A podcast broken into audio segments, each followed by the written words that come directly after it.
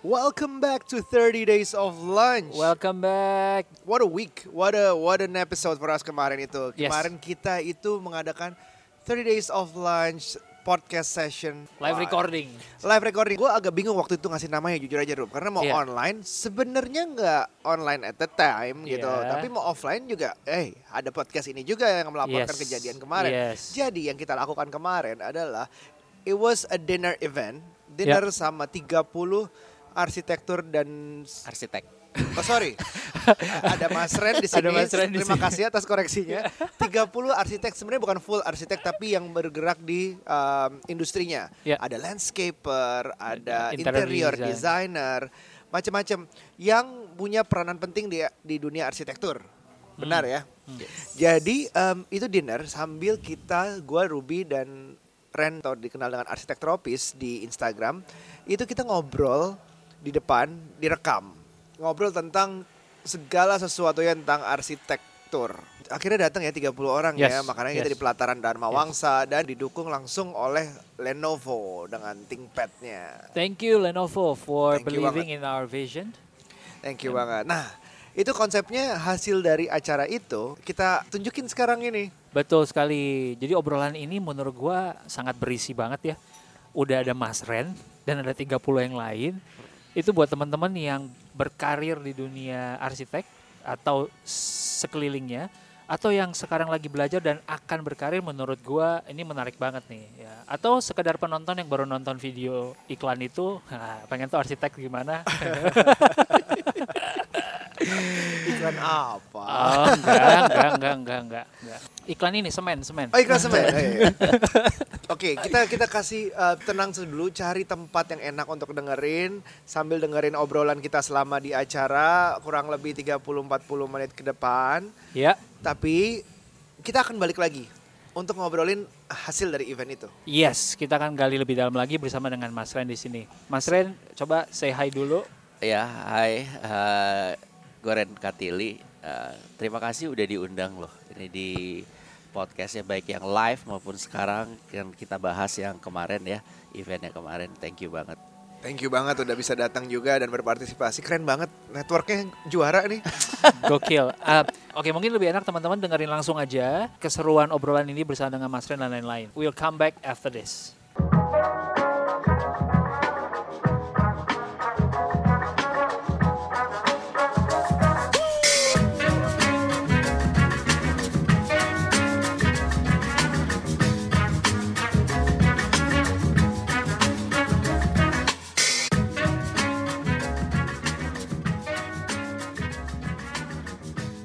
Selamat malam Mas Ren. Selamat malam Mas Oh, Aryo. udah mantap Selamat malam Mas Ruby. Ren, Ya, ya. em, kalau gue ngobrol gue aja, kita santai ya, kita Iya, temen kita ya. gue kita luluan temen ya. aja, Kita iya. seumuran kan? Banget. Kelihatan lah beda beda satu angkatan cuman. Em, gue pakai cie, pakai lo untuk sebagai arsitek rumah itu beberapa susahnya adalah kayak em, gue belum pernah nih pakai arsitek yang yang beneran. Beli rumahnya tuh udah jadi. Ya udah udah jadi itu aja. Tapi ada yang kita nggak suka terus kita em, adalah ngobrol-ngobrol sama arsitek. Salah satunya kita juga pernah pakai Gaby. Halo Gaby di sana. Terus em, salah satu yang kendala-kendala yang dapat sama Gaby sama Ren itu adalah menyampaikan sebenarnya mau mau kita tuh sebagai klien apa aku ini buta dari dunia arsitektur jadi anggap aja sebagai dunia dari pihak kliennya Betul. nah kita kebetulan Ruby pun baru Baru menikah. baru menikah, jadi baru ngalamin tuh renovasi, ngalamin juga masa-masa cari rumah, ngalamin juga gue mendingan beli apa bangun sendiri ya gitu. Kalau lo dari sisi arsitek tuh pernah ngelihat klien tuh seperti apa sih? Eh, ya, kalau gue melihat klien itu adalah orang yang sangat awam pasti gitu. Harus didasarkan bahwa mereka itu banyak sekali keinginan, eh, juga kebutuhan karena itu dua hal yang berbeda. Tapi kadang juga eh, mereka tidak tahu apa-apa. Makanya kenapa harus bertemu dengan arsitek-arsitek ini? Karena kamilah ini nanti yang akan membantu untuk bisa tadi mewujudkan keinginan dan ke- kebutuhan yang mereka eh, rencanakan untuk ke depannya. Request yang aneh-aneh ada nggak? Contoh pengalaman yang aneh yang akhirnya lo nggak bisa wujudin atau bisa justru terjadi. Ada yang pengen bikin kolam renang tingkat. Eh gimana? Gimana gimana gimana? Kolam renang renangnya tingkat. Susun, susun dua gitu. Jadi Oke. gue juga gak ngerti sebenarnya akan diapakan dengan kolam renang itu. Tapi paling tidak itu keinginan yang menurut gue luar biasa sih. Bahwa dia ingin Hmm. membuat kolam renang dua susun gitu. Jadi mungkin dia akan bisa loncat dari yang yang atas ke bawah. Gue masih nggak bisa gitu. Gue masih nggak kebayang sih dua susun tuh gimana ya? Ya itu hanya arsitek sih yang tahu. Terus akomodasinya, akomodirnya gimana akhirnya? ya ya kita bikinin selama masuk dalam budget kan selalu ini yang jadi permasalahan di budgetnya selama memang bisa dipenuhi dan sesuai dengan budget yang direncanakan oleh mereka ya kenapa enggak gitu Betul. Ya, kita arsitek ya membantu mereka untuk mewujudkan itu Iya, gitu. iya, iya. itu sih ya banyak sekali hal-hal yang keinginan-keinginan tadi saya bilang eh, yang belum tentu itu kebutuhannya gitu biasanya Tapi millennials itu karak, em, oke kebanyakan mungkin klien sekarang em, millennials, bener nggak?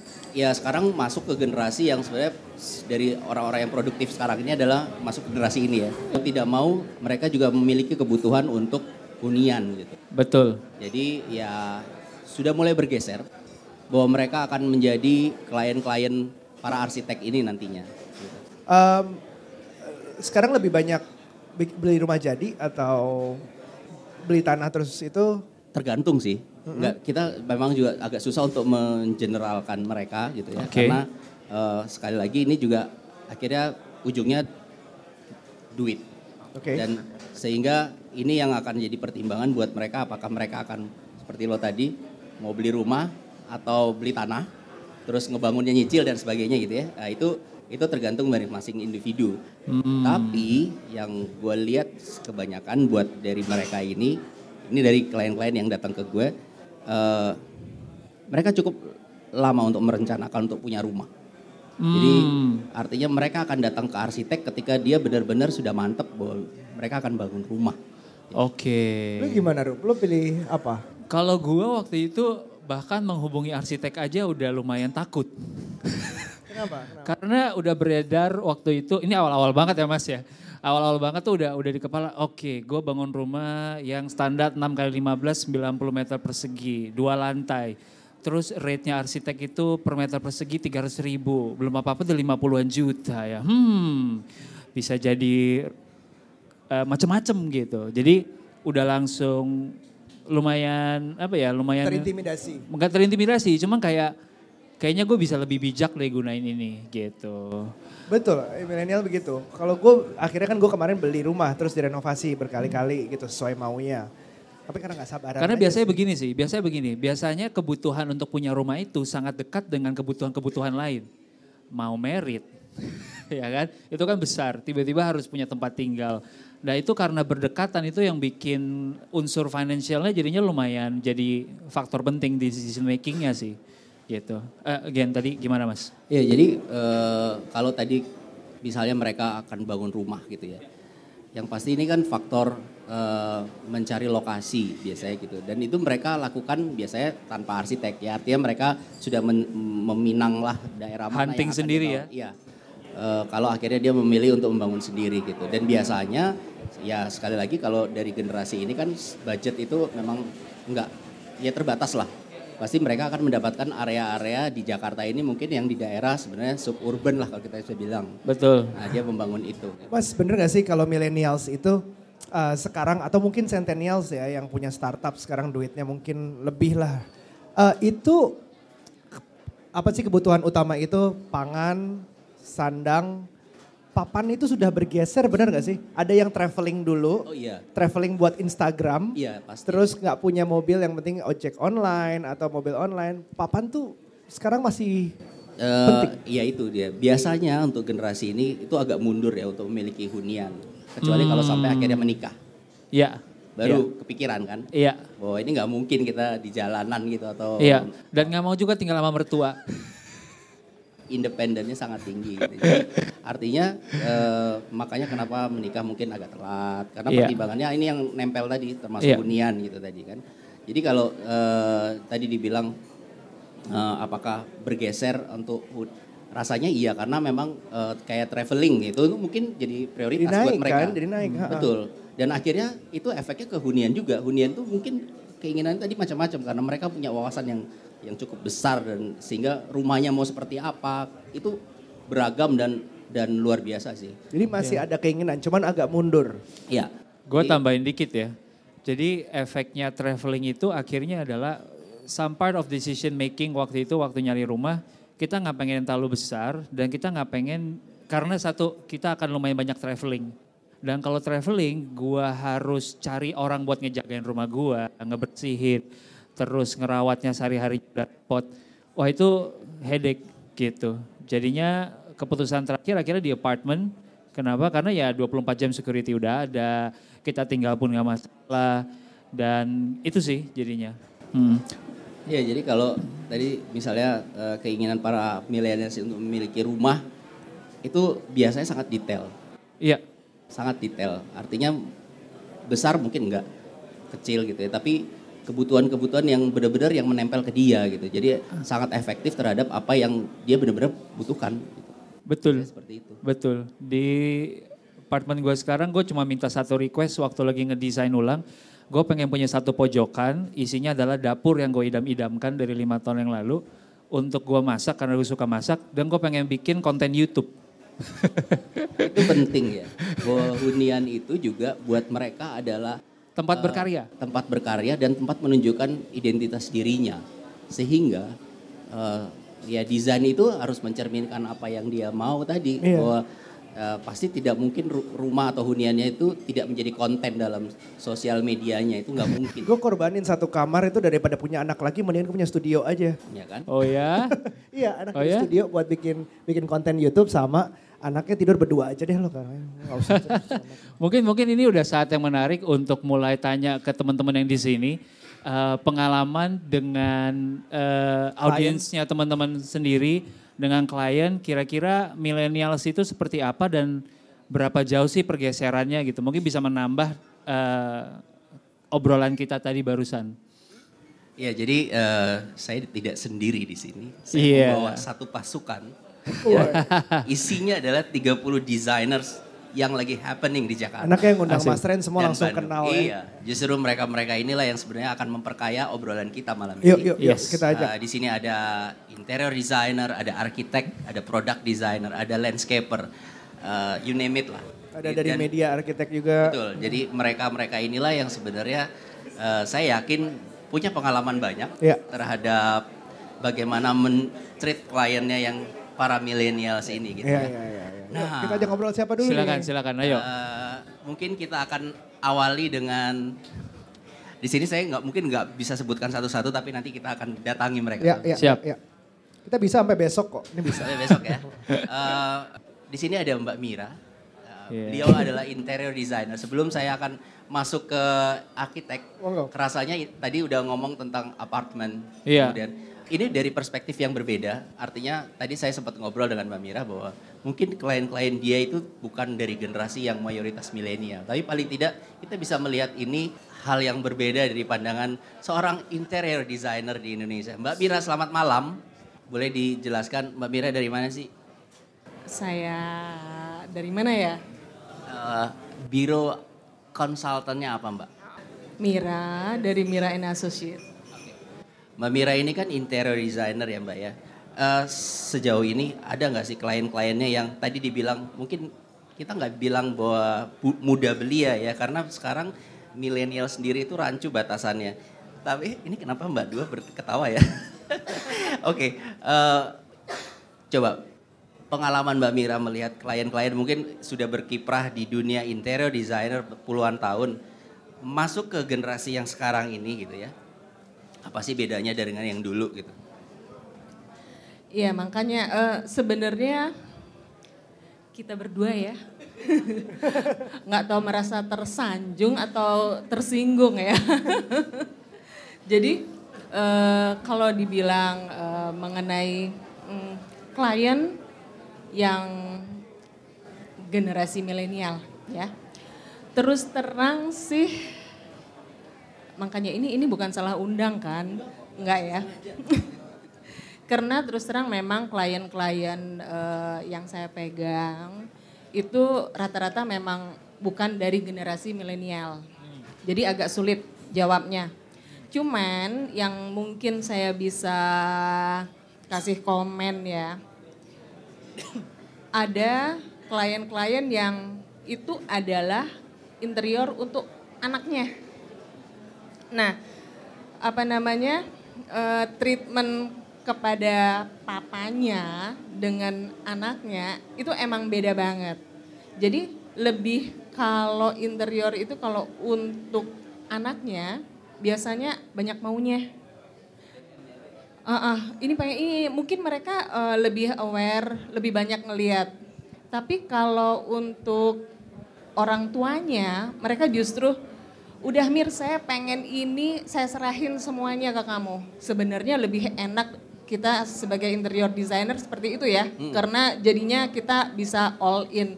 Tapi kalau misalnya dari generasi milenial, nggak tahu ya itu mereka termasuk milenial apa enggak banyak maunya sebenarnya. Itu sih bedanya Jadi ya. benang merahnya bahwa apa yang Mbak Mira eh, lalui bahwa di generasi ini banyak maunya. Mungkin tadi seperti yang kita bilang tadi, Iya. dia lebih detail.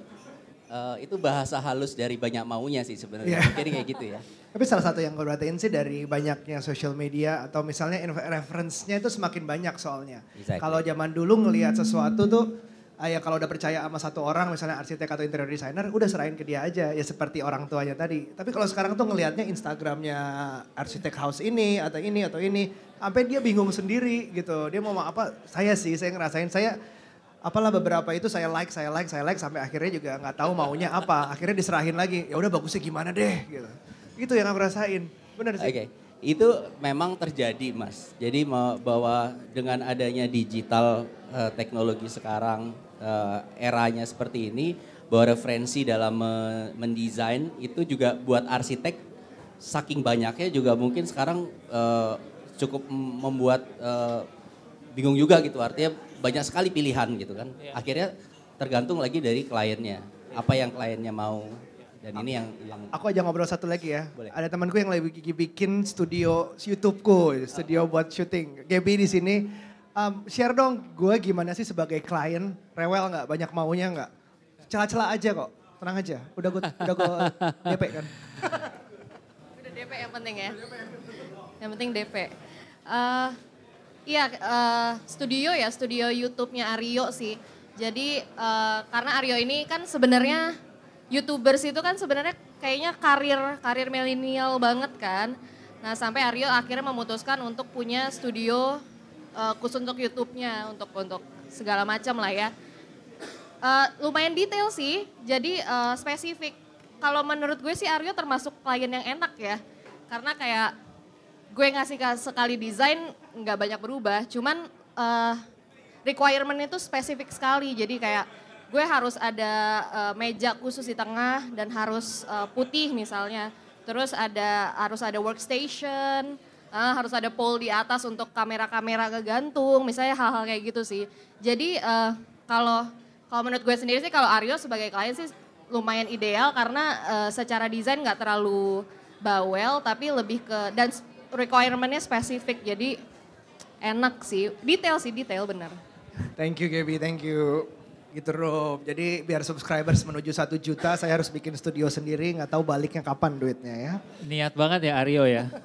Semoga gue bisa nyusul. Tapi kita waktu ngobrol salah satu episode kita namanya uh, Will Goss, William Gozali. Dia Iya. seorang master chef, dia menang dari master chef itu juga. Iya. Dia sewa satu apartemen, isinya dapur doang. Betul, dia rombak apartemen itu yang tadinya dua kamar menjadi dapur doang. Dapur doang, kamarnya ditu- di, diratain, isinya dapur doang. Tapi dapurnya bagus banget. Begitu kita nengok sini, itu nggak ada apa-apa. Nggak ada apa-apa, tembok biasa, nggak dikasih material tiles apa atau apa, nggak ada. Tapi dapurnya bagus banget, karena Dan itu yang masuk kamera. Iya, buat itu buat tadi ya. buat syuting konten. YouTube juga konten gitu. Dan dia memang masak-masak, memang masak-masak. Kayak gitu sih. Eh, a- ada yang mau ditanyakan? Iya, jadi kalau menurut gue juga sekarang dengan adanya, jadi biasanya kan tempat hunian ini juga sebagai sarana ya, sarana dia untuk dalam beraktivitas. Nah aktivitas dari generasi yang dulu dan yang sekarang itu jauh berbeda. Ya, Seperti tadi kan, bahwa konten itu adalah uh, Raja. paling penting. Paling penting. Sehingga nggak mesti harus youtuber, tapi beberapa uh, orang-orang yang datang ke uh, ke kita ke konsuler kita pun juga bikin meminta sesuatu yang kira-kira kalau nanti ini bisa instagramable lah, harus Ah. seperti inilah karena pengennya meskipun satu ruangan tapi bisa kelihatan jadi empat konten yang berbeda lah ya, kayak gitu-gitu ada gitu jadi keinginan-keinginan itu. Itu rumah gue awalnya Instagramable sih, awalnya. Kata kuncinya awalnya. Setelah anak dua udah nggak mungkin Instagramable. Apalagi ada bayi segala macam, udah itu udah nggak bisa. Ya, eh, mungkin gue akan tanya lagi ke teman-teman. Monggo. Yes, kita pengen dengar lebih Ya, banyak sih. Jadi ini ada arsitek dari Bandung. Asik. yang gue undang ke sini namanya Adi Krits. Eh, Mas Adi, kita baru kali ini ketemu. Tapi gue pengen melihat apakah sebenarnya eh, eh, karena beliau adalah arsitek dari Bandung, sama nggak sih tempat ini mempengaruhi eh, atau enggak sama sekali bahkan, tapi justru dari dari angkatannya ya mungkin yang jadi membedakan. Gimana Mas Adi? Kenalin dulu dong Mas Adi dari mana? Dari konsultan apa? Saya Adi dari RDMA di Bandung, kantor di Bandung Selatan, tapi tidak di waktu malam, ya, Kopo. Tadi pertanyaannya apa ya? Jadi eh, Mas Adi sebagai arsitek di Bandung melihat klien-klien yang sekarang. Apakah tempat itu mempengaruhi juga behavior dari klien atau enggak sebenarnya mau di mana pun sama, hanya memang mereka ini generasi yang memang sekarang ya mungkin bisa diceritakan juga pengalaman menghadapi klien yang yang tadi seperti kita udah obrolkan, gitu Mas Adi. Sebenarnya kalau spesifik klien yang seumuran itu, itu belum ada ya. Karena kan eh, mungkin cuma sedikit juga jumlahnya orang-orang yang beruntung seumur itu udah bisa meng-hire arsitek. Jadi paling yang yang berkaitan sama eh, fenomena milenial sejauh ini paling-paling ya Instagramable sama size size bangunan. Walaupun tidak walaupun yang saya buat memang beberapa ada eh, kecil-kecil dibuat kecil mungkin sekompak mungkin tapi kliennya nggak milenial gitu. Tapi pemikirannya tetap bahwa bangunan itu dibuat untuk zaman sekarang yang mungkin nantinya juga yang beli milenial yang sekarang gitu. Jadi kebutuhan juga harus dibikin lebih compact tiny house tiny tiny living gerakan tiny living udah di mana-mana. Jadi eh, mungkin ke, keterkaitan saya ke arah situ aja sih Bang. Paling kecil pernah mendesain sebuah hunian itu berapa meter persegi Mas? Kalau hunian untuk dipakai bertinggal lama Ya. eh, masih masih di angka yang sekarang-sekarang kita udah sering dengar lah, nggak sampai terlalu ekstrim.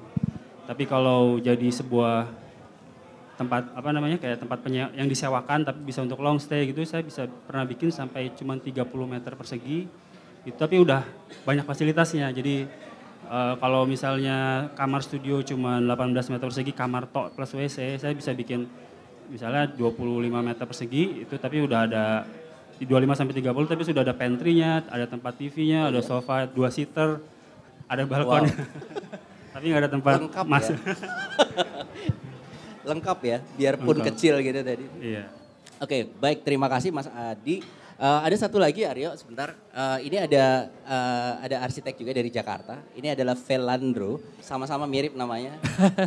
Gue manggilnya Vela apa Andro karena di sini ada dua, ada arsitek. Andra ada dua, dua Andro. Ada dua juga. Eh, pengalaman lo dalam menghadapi klien-klien yang ya bisa dibilang mungkin dia bukan generasi ini tapi attitude-nya sama dengan generasi ini. Kan ada juga seperti itu. Kira-kira bagaimana lo menghadapi mereka dalam proses desain? Sebenarnya tuh yang paling unik ya dari kalau misalnya kita ketemu klien itu yang paling susah yang uh, hampir berapa project terakhir tuh kita lagi coba apply sih sebenarnya kayak sebenarnya tuh kayak ngelihat apa yang dia nggak omongin gitu loh. Kayak kadang-kadang tuh malah kayak ya sekarang kan informasi banyak banget ya reference banyak banget gitu jadi kayak si A pengennya pengen kayak gini, pengen kayak gini, pengen kayak gini, pengen kayak gini gitu. Tapi kalau misalnya kita lihat lagi, kita perhatiin lagi orangnya tuh sebenarnya dia nggak butuh-butuh banget gitu. Kadang malah sebenarnya dia kayak aslinya introvert gitu, tapi karena mungkin dia introvert banget gitu, terus dia pengen eh pengen rumah jendelanya gede-gede semuanya ini ini pengen semua serba terang gitu. Padahal sebenarnya aslinya dia nggak kayak gitu kalau kita perhatiin banget banget gitu. Jadi ya mungkin coba ngebaca yang nggak kelihatan oleh mata atau omongan itu sih yang yang yang paling seru ya kayak aslinya nih apa sih sebenarnya nih orang maunya gitu. Gitu sih. Eh, jadi antara keinginannya dengan kebutuhannya mungkin berbeda tadi. Iya, ya, iya seperti itu dia. Mungkin ya. kayak yang paling esensialnya needs-nya dia tuh apa sih gitu, bukan wants-nya. Kalau orang kan satu orang bisa punya kayak sejuta wants lah, tapi Iya. sebenarnya kayak needs-nya dia sebenarnya cuman satu dua gitu dan esensial gitu loh buat dia. Yang biasanya kalau kita kabulin semua wants-nya ntar revisi lagi, revisi lagi, revisi ujungnya lagi. di budget ya biasanya. Iya, balik-balik kayak gitu. Oke, thank you Mas Andro. Di eh, Bandung eh, dan di Bali itu banyak banget rumah yang dibeli. Itu terus jadinya buat di Airbnb-in. Itu juga baru ada di generasi ini. Di generasi ini bahwa rumah dibeli eh, daripada dikontrakinnya bulanan tapi dijalaninnya untuk Airbnb. Karena eh, nginep di hotel mungkin bosen atau gimana mereka larinya ke Airbnb. Dan itu udah ada Airbnb manager beberapa tuh udah kayak gue siap manage beberapa rumah tapi bagi hasil gitu. Itu juga menarik rumah-rumah di Bandung, rumah eh, villa-villa di Bali itu udah makin makin cantik-cantik tujuannya buat Airbnb gitu ya. Betul. Jadi kalau gue lihat juga eh, kadang kebutuhan tadi, jadi di generasi ini yang kasat mata yang datang ke gue, banyak malah juga bukan bikin hunian, Ha-ha. justru mereka ingin mencoba, ya tadi ber- berkaitan dengan bisnis yang dia bikin, cafe, coffee shop, itu justru semakin deras akhir-akhir ini gitu. Jadi eh, artinya mungkin dia menunda untuk membuat rumah, Oke. tapi dia jatuhnya adalah mau mencoba me- membuat uh, startupnya. Tapi perbandingan antara membuat dan beli udah jadi itu kira-kira sekarang gimana? Apa trennya berubah? Apa masih sama? Em, Dulu gimana? Sekarang gimana? jadi kalau yang hampir datang ke kita ya rata-rata memang kadang ada rumah yang sudah jadi, terus Renov. dia ingin direnovasi, atau dia beli coupling, tapi di area yang sebenarnya sudah terbentuk. Oke. Jadi bukan beli coupling di luar yang entah antah berantah gitu dia bangun enggak. Karena gini, kalau dia beli itu belum tentu sesuai dengan apa yang dia Dia mau. Dia mau. Karena itu ya sudah jadi seperti itu. Nah, ini yang agak susah buat eh, para eh, si milenial ini untuk kalau misalnya kalau beli toh bedanya mungkin harganya nggak nggak jauh beda karena sebenarnya yang yang jadi pertimbangan kan harga tanahnya Iya, tapi bukan kan di bangunannya. banyak mulai townhouse yang dibikin dari nol terus akhirnya di selnya rumah apa di Instagram gitu keluar itu itu itu memang bentuknya banyak townhouse yang serupa gitu beli udah jadi atau masih banyakan yang mana ini Kalau banyakan yang mana sebenarnya sih eh, karena gini, kalau dia beli itu mahalnya luar biasa. oh gitu Biasanya. kalau bikin dari tanah iya, jauh karena kan lebih pasti murah developer nggak mau nggak mungkin nggak ngambil untung gitu. Tapi kalau akhirnya mereka mensiasati kalau misalnya dia tetap bisa bikin rumah, sehingga dia harus cari tanah yang paling harganya masuk akal buat mereka, baru dia bangun. oh itu It- jatuhnya lebih murah Itu jauh lebih murah dibanding kalau tapi dia trennya ke situ mulai ke sana. Oh. Karena ya tadi ke- karena mereka belum mungkin nggak bisa effort untuk beli hunian yang tadi sudah disediakan oleh para developer itu gitu. lo Eh, saya sebenarnya mumpung lagi banyak teman-teman dari arsitek di sini, aku pengen coba raise satu isu yang saya ngalamin banget. Tadi sempat disebut tanah sih mas. Kan generasi kita itu nggak punya privilege untuk milih tanah mas. Karena tanah-tanah yang bagus itu sudah ditabung sama orang-orang zaman dulu. Ya kan? Dan ketika mereka mau ngelepas itu harus sudah dihitung profit berapa gitu sehingga saya nggak menemukan solusi buat saya sekarang untuk ber- punya tanah yang strategis dan bisa ngebangun yang proper. Akhirnya ujung-ujungnya kalau ketemu tanah waktu itu saya hunting ya di pinggiran banget. Nah saya sempat kepikiran sama teman-teman tadi aku ngobrol sama Mas yang dari mana ya? Kok nggak ada ke toilet ya? Dari KOH ya? Koh. Dari Koh. Eh, ini saya mau ngobrol sih, mungkin gak ya? Mungkin gak nih? Jadi saya sama teman-teman berlima, berenam sempat ngumpul, ya udah deh tanahnya mahal, nggak apa-apa deh, gue beli-beli aja. Tapi kita bikin hunian yang bisa kita share hidup bareng-bareng. Karena saya ngerasa yang jadi masalah kita adalah zaman kita masih pakai pikiran orang tua kita. Kalau punya rumah, gue harus pegang sertifikat tanahnya. Kalau enggak, enggak legit itu rumah. Ya, sementara buat saya eh, udah nggak bisa lagi punya rumah kayak gitu. At the same time, apartemen, apartemen di Indonesia 48 square meter, dua kamar, itu tuh desainnya nggak bisa hidup punya mas. Nggak dipikirin, sorry to say gitu ya. Karena kalau saya 8 square meter saya lihat di Jepang, kok bisa hidup ya? Kayak semua function yang ada tuh, eh semua function yang saya butuh itu ada. Nah akhirnya saya sama teman-teman mikir bisa nggak kita beli tanah walaupun mahal nggak apa-apa, tapi kita bikin low rise apartment. Gitu, sehingga kita udah nggak peduli lagi soal sertifikat tanah, yang penting kita sama-sama teman-teman tahu, ini kita miliki bersama, rumahnya jadinya gede banget. It's like having an apartment yang gede banget, tapi lima lantai doang gitu. I don't know, is, is there any other solution? Karena jadinya kalau seperti itu, rumah yang tadinya harganya 5M, kalau saya beli langsung, saya bisa bikin kalau bagi 5 jadi 1M. Karena saya udah nggak peduli lagi soal siapa yang punya sertifikat. Gitu. Itu ada namanya co co living apa co Di luar sebutnya co-living. Indonesia-nya bukan kumpul kebo gitu bukan? Bukan, bukan, bukan. Kalau saya sih ngelihat kayaknya wajah-wajah yang se- sisi sebelah sini punya banyak insights nih mas. Oke ya, bentar. Gue akan, eh, ini ada teman gue. Dia udah cukup lama sebenarnya dirancang bangun. Asik. namanya Fandi. Ah, Fandi, Mas Fandi, tolong dipegang dulu. asik. Eh, karena dia sudah juga cukup lama. eh, dia yang pasti dia bukan dari generasi milenial. Mas, eh, Katanya lawannya milenial sih kolonial mas. kolonial. Lo selama ini membangun kli- klien-klien yang datang mendesain dan membangun itu rata-rata emang dengan tanah-tanah yang cukup proper ya. Artinya kita Iya. lihat dan juga banyak sekali yang dia bangun bukan cuman karena gue tahu banget bukan cuman di di tadi yang di suburban bahkan di di tengah-tengah kota itu. Iya, iya. Dengan isu yang tadi ya. Pengalaman lo sebagai arsitek yang membangun di daerah tengah kota, lo bisa melihat nggak sih apa itu memungkinkan atau enggak? Karena ya tadi misalnya memang ada tanah mungkin di tengah kota yang masih Iya. bisa dijangkau dengan harga tertentu, terus kemudian lo bangun dan dibagi ya tadi ya. Dibagi aja. Kira-kira menurut lo masuk akal dan atau memungkinkan nggak sih buat ke depannya mas? Ya. Emang di tahun kemarin sih kita banyak menggarap lahan-lahan seperti itu. Jadi Oke. kebanyakan orang yang udah tua pensiun, dia mungkin bingung tanahnya kegedean banget gitu. Akhirnya dibagi-bagi tuh. Hmm, Dari 1000 meter atau 2000 meter dibagi 9 kafling. hmm. Nah dari situ itu adalah opportunity buat milenial ini untuk membeli gitu. Iya. Jadi Masalahnya cuma sembilan mas, yang butuh seribu. ya itu dia kan cari banyak yang Tapi menarik sih, berarti udah mulai dilakukan ya. Udah, lanjut, lanjut. Mungkin mereka agak keberatan bayar PBB-nya, terus untuk maintenance-nya. Jadi mereka mencoba untuk ya udah deh, saya cukup eh, 200 meter, sisanya saya lepas. Gitu. Ah, Gitu. jadi lebih dia masih tinggal, seperti itu.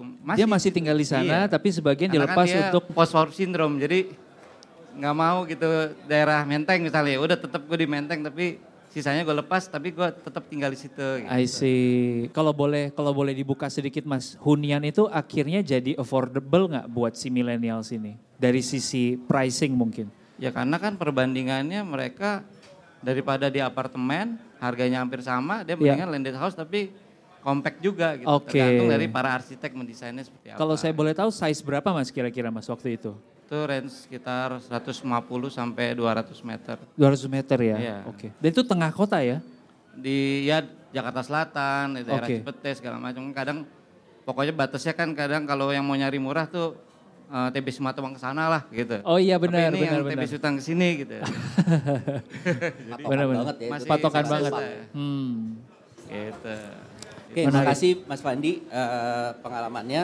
Dan sekarang memang gue udah pernah dengar juga tentang co-housing tadi. Jadi mungkin kalau tadi karena ada yang punya tanah, punya tanah dia dia pecah dan dia bagi-bagi gitu kan. Nah ini ada juga sebenarnya eh, mungkin udah ada beberapa saya saya tidak eh, arsiteknya nggak ada di sini yang pernah Iya. melakukan hal ini. Jadi eh, beli tanahnya bareng-bareng.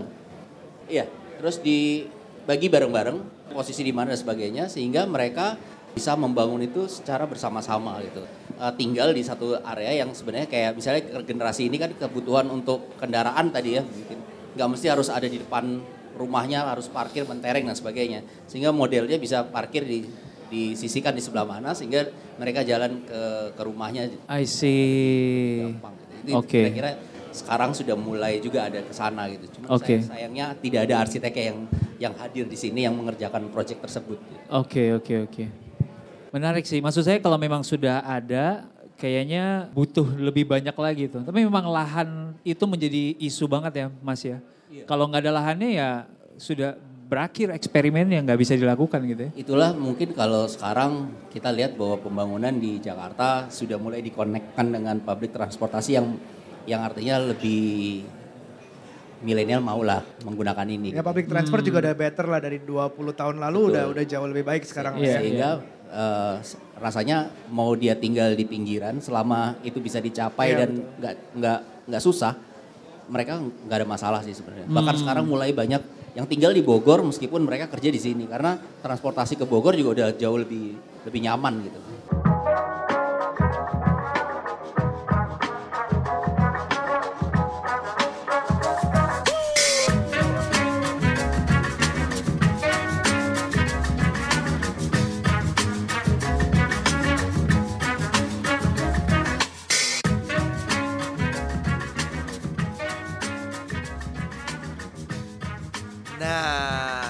Gimana, gimana, gimana, gimana.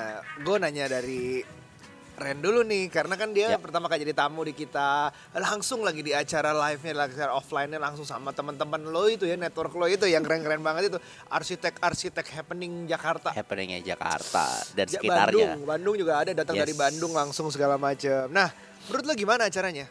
Em, terus terang waktu pas lo mengundang gue untuk acara ini gue nggak ada ekspektasi apa apa sih sebenarnya bahkan kalau gue pikir justru kita itu cuman kayak mau di record saja gitu loh tanpa ada keseruan di dalamnya tapi ternyata ketika dan gue eh, terus terang mengundang mereka teman-teman arsitek ini tuh kayak H minus dua H-2. sebelum acara kan jadi Wow. kayak eh, ke- kesediaan mereka untuk datang juga karena ternyata mereka juga beberapa dengerin podcast ini Oh gitu iya? Iya. Oh, wow. Jadi akhirnya So sih seru banget dan dan gua nggak nyangka bahwa mereka itu kan pada eh, artinya mereka adalah prinsipal-prinsipal arsitek muda. Ar- Kalau prinsipal tuh istilah arsitek Istilahnya untuk yang owner ya. dia yang punya Ah, ah. studio masing-masing Kalau itu. di lawyer tuh partner ya. Ya, Firm. jadi Ah, ya, ya. mereka lah yang datang kemarin dan eh, apa feedbacknya juga cukup positif sih.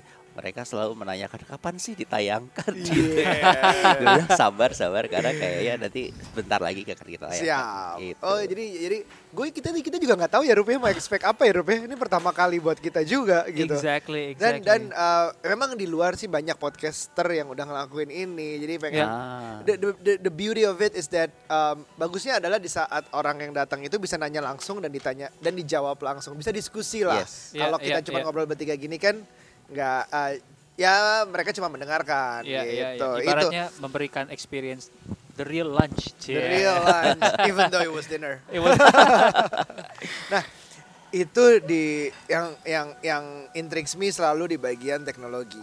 Gue kan ya kalau follow gue juga tahu gue juga postingannya banyak banget sekitar teknologi dan gue amazed banget um, di akhir acara itu banyak banget demo-demo tentang VR virtual reality yang pakai komput um, kacamata VR dan komputer yang powerful dan software yang cocok juga gitu ya. Hmm, hmm. Jadi itu kombinasi tiga itu memudahkan boleh dibilang klien untuk menentukan pilihan, um, arsitek untuk menyampaikan idenya. Itu itu semacam bikin kerja. Gimana sih kalau lo makainya di dunia arsitek? How does technology really Ya. helps you? Mungkin sebelum eh, gua akan menjelaskan ini, sebenarnya Ya. salah satu kenapa eh, alasan mereka mau datang karena gue udah ceritakan bahwa kita akan membahas sebenarnya dari dari sisi teknologi yang bisa membantu para arsitek untuk bekerja sama dengan klien gitu. Oke. Jadi makanya mereka datang berbondong-bondong waktu Hmm, itu ya. hmm, hmm. Jadi kalau gue bisa bilang memang eh, mau tidak mau dunia arsitektur itu juga bagian yang akan kena imbasnya dengan kemajuan teknologi yang sekarang Iya, ini. iya. Kalau kita nggak bisa eh, bisa beriringan dengan teknologi agak agak susah ya. Iya. Dan sebenarnya eh, gue juga di kantor itu kita sudah mulai dari 2000 mungkin kayak 2016 waktu itu kita sudah melihat ini sesuatu yang eh, yang mau tidak mau kita harus ikutan gitu. Harus bisa ya. Harus ya. Jadi akhirnya kita mengupgrade itu, mengupgrade-nya lebih kepada pertama skill dulu, skill para eh, arsitek di kantor untuk bisa menggunakan software yang bisa kompatibel dengan teknologi ini. Oke. Itu yang pertama. Terus yang kedua juga eh, apa ya? Jadi kayak kita juga memperbaharui beberapa eh, apa alat-alat eh, di kantor, ya hardware di kantor selain software-nya dan skillnya itu. Dan kita udah coba di tahun 2018 ini untuk kalau misalnya ketemu dengan klien kita menggunakan VR tadi. Jadi kita hanya Hmm. menggunakan itu yang biasanya kalau kita presentasi kita harus menunjukkan dengan gambar, print-printan dan sebagainya, kita hanya menggunakan itu dan mereka bisa melihat dan serunya adalah mereka benar happy gitu. Oke. Artinya Hmm. eh, selain dari desainnya tapi mereka juga bisa mengalami mengalami ruang yang kita buat karena kan kadang eh, pengalaman experience ruangnya itu yang kita selalu kurang dapat kalau tidak ditunjang dengan teknologi seperti Dan ini. interaktif ya. Jadi kalau Interaktif. kalau kemarin gue cerita sedikit nih, em, kemarin di acara itu uh, ada demo VR-nya. Ya. Jadi Yes. teman-teman yang dengerin di rumah ini di podcast ini lebih ke arah jadi user misalnya klien itu bisa make kacamata VR masuk ke dalam suatu ruangan yang udah didesain secara virtual oleh arsitek atau interior desainernya Ya. dan dia bisa masuk ke pintu sini, Iya. masuk ke kamar tidur, kamar mandi segala macam jalan actually. Iya, Terus sampai bisa ngubah warna tembok, Iya. materialnya Iya, iya, diganti, lihat atas lewat bawah. Oh, um, sofa ini nggak suka diganti Iya, sofa yang iya. seperti ini. Itu seru banget, interaktif banget. Dan itu Hmm. kayak tanya ya, correct me if I'm wrong. Itu nggak bisa sembarangan kan bikin itu. Jadi uh, VR itu ada proses yang namanya bikin desainnya terus di render. Yes. Terus abis itu em, nggak mampu lo kecepatan dan kekuatan komputer itu penting. Makanya Yes. Lenovo tuh ada di situ dengan beberapa produk seperti Lenovo ThinkPad P1, P52, P52s dan 72. Jadi kalau yang uh, P itu stands for performance. Oke. Uh, P1 itu yang paling mobile, yang Top of paling line. ringan. Hmm. Kalau P72 itu 7 itu adalah 17 inch. Ah, paling gede layarnya tapi oke. juga paling powerful. Iya, Oke. Gitu. Ya, you lo udah nyoba kan Udah. P1? Ya, Itu menggunakan gimana? P1. Jadi makanya kan gue bilang eh, selain kita mengupgrade eh, tadi software, Ah. skill juga para eh, arsitek di kantor, kita juga harus mengupgrade eh, hard- Hardware. hardware-nya tadi itu gitu. Karena kalau enggak itu sama aja bohong. Iya. Artinya lo bisa me- punya skill untuk bisa mendesain men- eh, dengan baik Iya, gitu ya. betul. Kemudian lo juga bisa menghasilkan gambar yang bagus. Tapi ketika hardware lo itu tidak menunjang lo, Iya. itu akhirnya kayak eh, lo buang waktu gitu loh. Nah Hmm. ini yang yang menurut gue kenapa penting juga gitu loh bahwa ini eh, harus diganti dan harus di-upgrade juga. Nah kemarin gue udah coba kan yang P1 itu, Iya, iya. itu luar biasa eh, kayak mempercepat proses pekerjaan, terutama yang kayak rendering tadi. Iya, iya, iya. Bahkan anak-anak kantor di, di di kantor juga, wah pak ini eh, ini luar biasa sih artinya eh, dari segi eh, kecepatannya membuat ya pekerjaan jauh lebih cepat sih. Jadi kayak kita harus biasanya rendering berjam-jam gitu, karena renderingan itu kan penting ya. Iya, Apalagi iya. kan prosesnya adalah animasi kan jatuhnya. Karena ini 3D juga, 3D 3D, juga, gitu. animasi. ha. Itulah yang eh, menurut gue kayak ya dalam bentuk seperti itu kita bisa mendapatkan proses pekerjaan yang jauh lebih cepat. Eh, gua gua tertarik dari sisi kemarin tuh kayak bukan cuma ngerasain ruangnya tapi you can actually kayak lagi jalan di sana. Iya. Terus buat gue yang menarik adalah bisa ngerasain pagi, sore, malam tuh berubah Betul, gitu. Termasuk bayangannya. Termasuk bayangannya. Bayangannya jadi berubah. Exactly. Gua tuh termasuk orang yang nggak gampang untuk membayangkan itu. Ya ya. Ya kalau dulu tes IQ tuh kayak kemampuan ruang gua tuh kayak di bawah banget gitu. Ya, kebanyakan memang beberapa eh, nggak bisa membayangkan ruang secara detail. Yes, membantu. yes. 3 meter. Hmm. Kilometer itu segimana ya? Segimana ya pas sampai IQ Setangan gitu, setangan Exactly. dilebarkan. Udah tahu 3 meter pas lagi mau beli furniture di tokonya 3 meter. Ini cukup gak ya? Nggak cukup, cukup gak ya? Nggak tahu gitu. Akhirnya nggak beli. Nah, Yeah, itu, that's- that's itu where- ngebantu banget sih. Um, eh, kalau daya mikir itu kan jadi kayak semacam softwarenya gitu ya. Nah software sendiri ada nggak yang khusus yang bisa direkomendasikan mungkin buat teman-teman arsitek? Iya, sebenarnya sekarang masuk di eranya namanya BIM. BIM. Hmm. BIM. Jadi oke. itu eh, apa ya teknologi dari kalau misalnya biasanya orang mendesain eh, hanya satu arah, artinya cuma dua dimensi saja misalnya. Ya. Tapi ini karena terintegrasi dengan eh, dengan 3D. Jadi Iya. apa pun yang kita gariskan di situ, itu semua informasi sudah sudah ada di dalamnya. Jadi kayak materialnya apa, kemudian Oke. tampilannya dalam dua dimensi. Arti dua dimensi itu gambar kerjanya yang blueprintnya seperti apa. Tapi kita udah bisa lihat juga langsung ke tiga dimensinya bahkan, dan akhirnya bisa dimasukkan ke dalam yang tadi kayak kita bisa berjalan dalam ruangnya. Iya, nah iya, ini iya. eranya udah ke sana. Jadi eh, ini sih yang kayaknya arsitek mau nggak mau udah ke sana arahnya Iya. gitu. Eh gue gue gue sukanya salah satu dari laptopnya yang kemarin. Oh mereka nyebutnya workstation karena Workstation. segitu Oh, segitu, segitu powerfulnya powerfulnya. gitu. Jadi gue sukanya adalah Windows yang powerful itu kebanyakan uh, untuk gaming.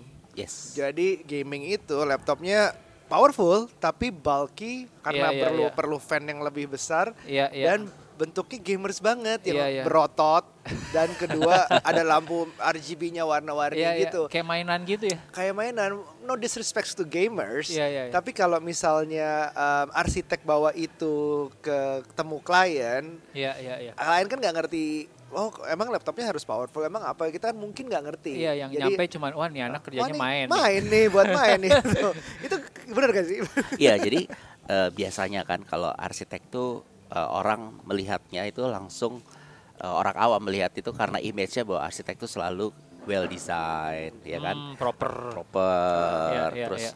eh, keren liatnya dan Iya, segala iya, macam iya, secara iya. visual ya. Iya. Oleh karenanya makanya eh, ketika tadi workstation ini ada gitu, kita tuh udah kayak ngelihat ini keren banget sih dari bentuknya gitu. Hmm. Pertama dari bentuknya aja semua udah melihat gitu. Kemudian ringan. Itu yang menurut gue wow.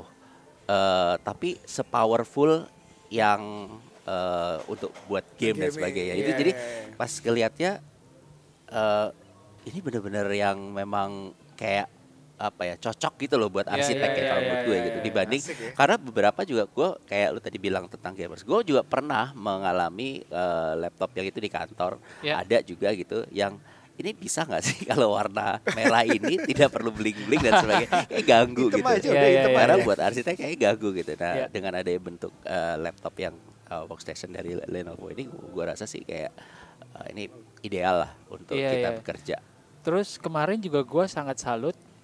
Ini mungkin bisa nyambung bisa enggak ya, mau ngecek. Arsitek kan juga lumayan banyak turun ke lapangan ya mas ya. Mm-mm. Itu biasanya dibawa nggak sih si laptop itu?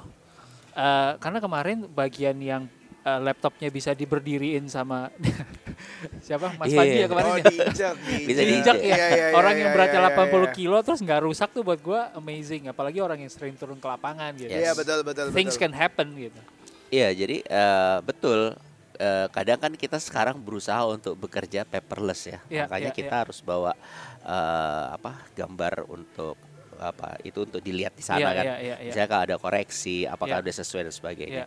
Nah, biasanya kita akan bawa itu ke lapangan dan di lapangan tuh space-nya sangat terbatas. Iya, iya, Biasanya kalau nggak kita harus cari di bedeng untuk ngobrol Di dengan, bedeng dengan kontraktor di site gitu ya, di Iya, bedeng. iya. Atau ya kita di lapangan tapi ya agak susah ya untuk Iya, mencari iya, meja iya, dan iya, sebagainya. Itu kemungkinan untuk berbenturan, jatuh dan sebagainya itu ada pasti Kar- ada gitu. Karena yang disampaikan itu um, kan bercandaannya iya karena kita beli laptop untuk diinjek ya. Gitu. Tapi sebenarnya bukan itu. Sebenarnya iya, adalah iya. kalau diinjek aja kuat, jatuh sedikit jatuh, itu ya. nggak apa-apa. Apa-apa, Gitu. Jadi exactly. memang nunjukin powerfulnya Iya, bukan iya, untuk iya. diinjek. Iya, iya, iya, iya, gitu. Iya, iya. Lumayan bisa tahan lama lah ya kalau gitu ya. Hmm, worth lumayan, it. lumayan, lumayan. Eh, apalagi kemarin yang menarik yuk.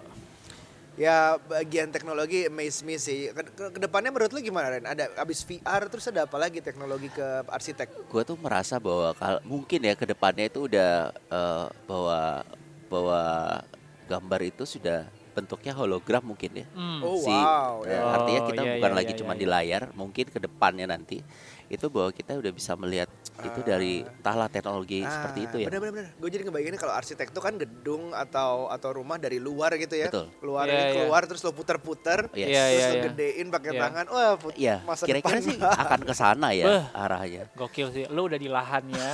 Tinggal terus dimasukin. Tinggal dimasukin Tinggal aja tuh dimasukin. projectionnya di lahan itu. Yes. Oh kegedean yang bagian ini kecilin dikit, set pakai tangan gitu ditepok gitu kecil.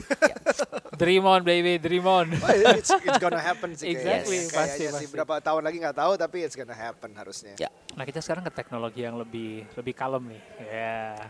Apa karena itu? karena kalau ini kalau ketemu Mas Ren tuh nggak bisa ngebahas ini. Kemarin nggak sempat kebagian bahas. Buat gue ada beberapa orang yang bisa menggunakan sosial media dengan baik untuk mengkomunikasikan. Eh, ada beberapa yang mungkin masih mencoba untuk catch up. Hmm. Kemarin tuh jadi gini, Yes. orang yang mendesain eh, apartemen gua Ah. tiba-tiba ngomong, eh Ko Ruby, Ko Ruby tuh ada acara ya sama Mas Ren. Emang lo kenal? Soalnya buat gue nih kayak nggak mungkin banget gitu loh. Kayak, Nih gue nggak ngelihat ada connectionnya. Bilang, iya. Terus? Dia kan dosen paling terkenal di kampus itu. Gue termasuk salah satu orang yang diajarin dan gue look up banget sama dia. Gitu. Wih, Dan luar karena biasa. karena kemampuan interaktifnya itu menurut gue yang dibawa ke sosmed. Nah mungkin bisa cerita sedikit. Ini ju- juara banget di sosmed. Iya iya iya. itu aduh um, dia kemarin baru bikin kampanye yang yang agak impulsif bukan impulsif ya agak uh, Roro Jonggrang Roro Jonggrang. tiba-tiba banyak banget yang respon gue ngeliat wow Iya, keren iya. segitu powerful Saya ya bangga di jadi arsitek. media nih Iya. Gimana gimana? Iya, jadi sebenarnya karena eh, sebelum gue mulai jadi dosen atau sebelum benar-benar berkecimpung jadi arsitek Ya. waktu pas gue baru kembali Ya. pulang dari studi itu eh, gue butuh network yang pasti. Iya. Nah pada saat itu memang eh, eranya era Twitter ya, Iya. jadi itu gue Hmm. menggunakan itu kan. Gue kenal Arya juga dari Twitter iya sebenarnya. betul Terus dari situ eh gue belajar sebenarnya. Gue belajar bagaimana sebenarnya berinteraksi dengan menggunakan teknologi ini. Oh. Jadi gue belajar di situ. Jadi bukan karena dan gue berlatih, belajar Ya, dan ya, berlatih. ya. Gue melihat eh, sebenarnya orang-orang yang termasuk Aryo dan Ya, orang-orang ya. lain bahwa mereka punya expertise masing-masing dan menggunakan expertise-nya itu untuk berinteraksi dengan masyarakat awam. Hmm, hmm. Nah, akhirnya gue bisa betul. melihat bahwa karena gue arsitek dan belum Ya. banyak waktu itu arsitek yang menggunakan teknologi Ya. sosial media ini. Dari situlah gue mulai me- mengedukasi masyarakat menggunakan uh, Twitter dengan konteks arsitektur, hunian, Hmm. rumah hijau, lingkungan dan sebagainya.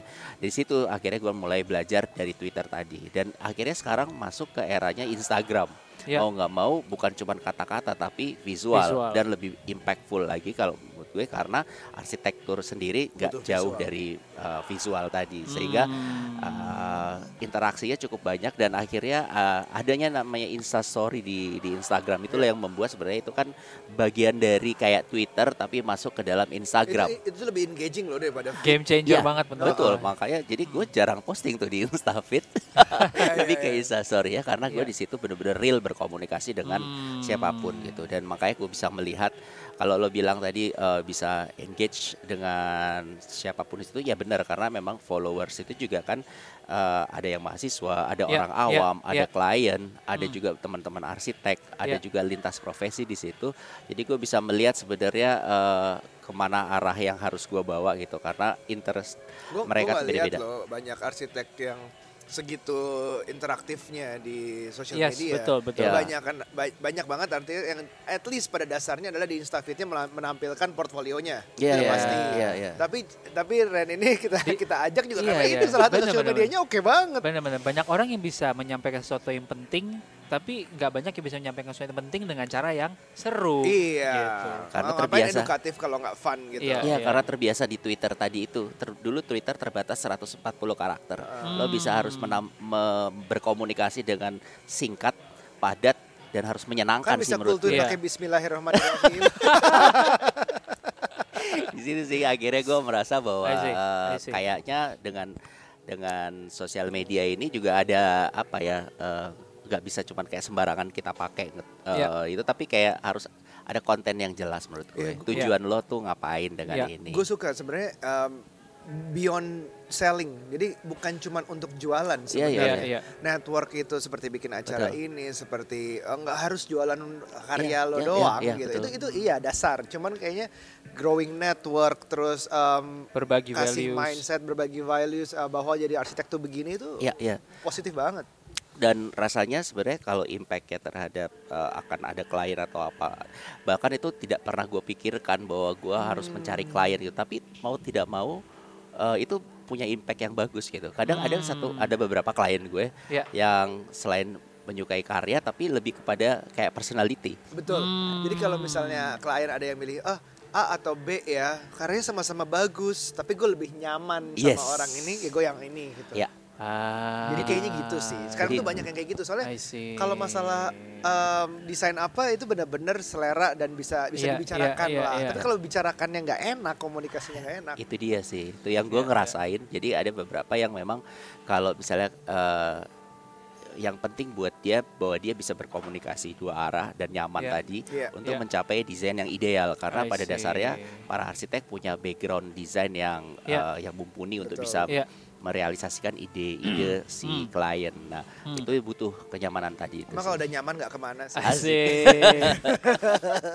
that is why, that is why teman-teman yang ngedengerin ini kita akan bikin partunya. Kita Kalau udah kalau kalian nyaman sama obrolan ini, ini kita sih udah nyaman ya. Eh, Oke. Nah, eh, kenapa? Karena basically kayaknya obrolan hari ini tuh memang sangat membantu sekali, sangat apa ya, bergizi sekali gitu buat teman-teman yang udah berkecimpung atau menuju berkecimpung di dunia arsitek. Betul. Tapi kita juga ngerasa kayaknya menarik untuk ngulik dari the other side of the coin, which is kita sebagai klien Ya. gitu, atau sebagai orang awam yang akan memulai apa namanya ya akan mau bangun rumah kah, lagi Iya. mau proses cari arsitek kah, atau lagi pilih-pilih Bangun atau bangun beli? apa enggak. Nah, itu Nah, kita akan ngebahas di uh, partunya bareng dengan Mas Ren. Yeay. Uh, before going to dread, mungkin kita close dulu episode ini yuk.